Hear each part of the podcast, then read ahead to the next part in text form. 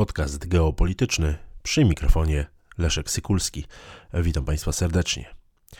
Amerykański dziennik New York Times w dniu 25 lutego 2024 roku poinformował, że w ciągu ostatnich 8 lat Stany Zjednoczone rozmieściły na Ukrainie aż 12 tajnych baz CIA, dzięki czemu przekształciły Ukrainę w taki swego rodzaju e, jeden z najistotniejszych przyczółków wywiadowczych do walki z Rosją. E, zdaniem amerykańskich e, dziennikarzy to mogło wpłynąć na mm, decyzję o rozpoczęciu działań wojennych przez Władimira Putina. To, co się wydarzyło, na to, co się wydarzyło 24 lutego 2022 roku. Według amerykańskiego dziennika Stany Zjednoczone miały utworzyć specjalne ośrodki przechwytywania informacji, a także szkolić szpiegów do działania w Rosji, Europie, na Kubie i w innych miejscach, gdzie jest obecna e, Rosja. Natomiast ta współpraca bardzo mocno się e, rozszerzyła właśnie o e, Ukrainę, dlatego że to właśnie Ukraina miała przechwycić w Rosji więcej informacji niż komórki CIA w tym państwie. Jak donosi New York Times, w 2016 roku CIA miała rozpocząć tworzenie jednostki numer 2245, której zadaniem miało być przechwytywanie rosyjskich dronów i sprzętu komunikacyjnego w celu włamywania się do rosyjskich systemów związanych z szyfrowaniem. E, natomiast po 24 lutego 2022 roku bazy CIA miały stać się ośrodkami e, śledzenia rosyjskich satelitów szpiegowskich i e, przechwytywania rozmów dowództwa rosyjskiego. Z artykułu w amerykańskim dzienniku wynika, że Ukraina stała się państwem kontrolowanym przez y, CIA, e, które wraz z MI6, czyli wywiadem Wielkiej Brytanii, miały wykorzystywać Ukrainę właśnie do osłabiania Rosji. E, I tutaj możemy też przeczytać, że pod koniec 2021 roku Władimir Putin, kiedy rozważał, czy rozpocząć inwazję E, na Ukrainę. Miał się spotkać z szefem jednej z głównych rosyjskich służb wywiadowczych, e, który powiedział mu, że CIA właśnie wraz z MI6, czyli brytyjskim wywiadem, kontrolowała e, Ukrainę i, cytuję, wykorzystała ją na poligon dla operacji przeciwko Moskwie. Koniec cytatu. Amerykańscy dziennikarze wskazują na to, że początki partnerstwa CIA ze swoimi odpowiednikami na Ukrainie sięgają dwóch rozmów telefonicznych przeprowadzonych 10 lat temu, dokładnie w nocy 24 lutego 2014 roku. Już po y, nielegalnym obaleniu władzy Wiktor, prezydenta Wiktora Janukowycza, wtedy kiedy mm, prezydent Janukowycz musiał ewakuować się do Rosji, a wraz z nim szefowie y, służb specjalnych Wtedy nowy szef wywiadu, Walentin Naływajczenko, e, miał zadzwonić do e, szefów lokalnych placówek CIA i MI6 i poprosić ich o pomoc w odbudowaniu e, właśnie ukraińskich, ukraińskich służb. Zaproponował trójstronne partnerstwo i wtedy właśnie rozpoczęła się e, taka, e, taka współpraca, która zresztą miała swoje różne, e, różne fazy. Warto zauważyć, że tutaj amerykańscy dziennikarze wskazują, że Ukraiński wywiad wytrwale zabiegał o względy CIA i stopniowo stawał się wręcz niezbędny dla Amerykanów, co tutaj New York Times podkreśla.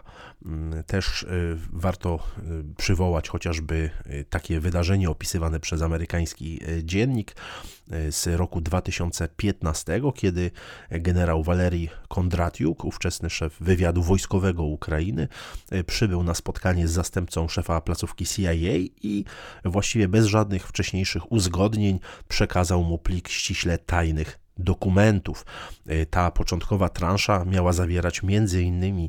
E, tajemnice dotyczące floty północnej marynarki wojennej e, Rosji, w tym szczegółowe informacje na temat najnowszych projektów rosyjskich atomowych okrętów podwodnych. I tutaj amerykańscy dziennikarze wskazują, że wkrótce zespoły funkcjonariuszy, funkcjonariuszy CIA regularnie miały wychodzić z biura generała Kondratiuka z plecakami pełnymi dokumentów. Amerykańscy dziennikarze podkreślają, że w miarę pogłębiania się partnerstwa amerykańsko-ukraińskiego po 2016 roku, Ukraińcy mieli być coraz bardziej zniecierpliwieni tym, co uważali za nadmierną ostrożność Waszyngtonu. I w związku z tym mieli na własną rękę, jak piszą e, dziennikarze New York Timesa, organizować zabójstwa i inne e, operacje, które były naruszeniem warunków e, na tych uzgodnionych na linii USA Ukraina. Urzędnicy w Waszyngtonie mieli grozić odcięciem wsparcia, ale nigdy tego nie zrobili. Z omawianego artykułu możemy się także dowiedzieć o ważnej e, wizycie generała Kondratiuka mm, w, w Stanach Zjednoczonych w styczniu 2016 roku, kiedy właśnie ten szef wywiadu wojskowego poleciał do e, Waszyngtonu na spotkania e, w Scattergood, to jest posiadłość na terenie, mm, na terenie zarządzanym przez CIA w Virginii. Tam zresztą ta agencja wywiadowcza często organizuje różnego rodzaju festyny z wizytującymi e, dygnitarzami i wtedy właśnie CIA zgodziła się pomóc E, pomóc e, wywiad ukraińskiemu wywiadowi, wywiadowi wojskowemu w poprawie jego zdolności do przechwytywania rosyjskiej komunikacji wojskowej, a w zamian generał Kondratiuk miał się zgodzić udostępnić Amerykanom e, wszystkie posiadane dane wywiadowcze.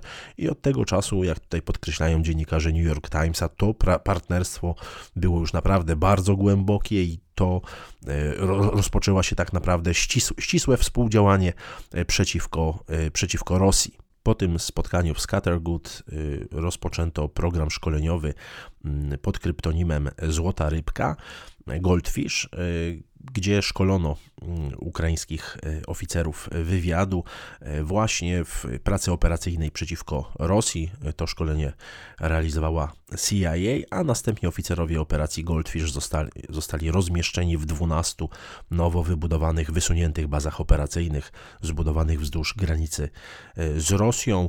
Mm, w każdej tej bazie ukraińscy oficerowie, mm, z każdej z tych baz ukraińscy oficerowie kierowali sieciami agentów, którzy mieli zbierać informacje operacje wywiadowcze na terenie Rosji. Dodatkowo funkcjonariusze CIA zainstalowali w tych bazach specjalistyczny sprzęt elektroniczny, który miał pomóc właśnie w gromadzeniu informacji wywiadowczych. Te informacje ujawnione przez New York Times to oczywiście tylko wierzchołek góry lodowej, ale wystarczą, aby, aby właśnie sformułować y, taką y, tezę, że Ukraina stała się po prostu zakładnikiem amerykańskiej racji stanu. Ameryka, Amerykanie bardzo głęboko zinfiltrowali państwo ukraińskie, przekształcili ją właściwie w taki swego rodzaju zderzak strategiczny Stanów Zjednoczonych i to jest y, oczywiście y, niezwykle cenna lekcja dla Polski. Pytanie, na ile nasz kraj jest podporządkowany Stanom Zjednoczonym, jak głęboko sięga infiltracja e, amerykańskich służb specjalnych, e, właśnie jeżeli chodzi o struktury państwa polskiego. E, warto mieć na uwadze ten przykład Ukrainy, która została instrumentalnie przez Amerykanów i Brytyjczyków wykorzystana, biorąc pod uwagę, że Ukraińcy mieli mm, o wiele silniejszy chociażby przemysł zbrojeniowy niż, niż posiada go Polska, no to ten przykład Ukrainy zniszczonej, zdewastowanej, właściwie na, na skraju upadku państwa, powinien dawać bardzo dużo do myślenia mm, w kontekście polskiej polityki zagranicznej i polskiej polityki e, bezpieczeństwa. Od tej wojny powinniśmy się trzymać jak najdalej, ponieważ to nie jest, to nie jest nasza, e, nasza wojna, mm, a dalsze pełnienie roli właśnie amerykańskiego zderzaka strategicznego no może się zakończyć po prostu tragicznie. Dziękuję Państwu za uwagę.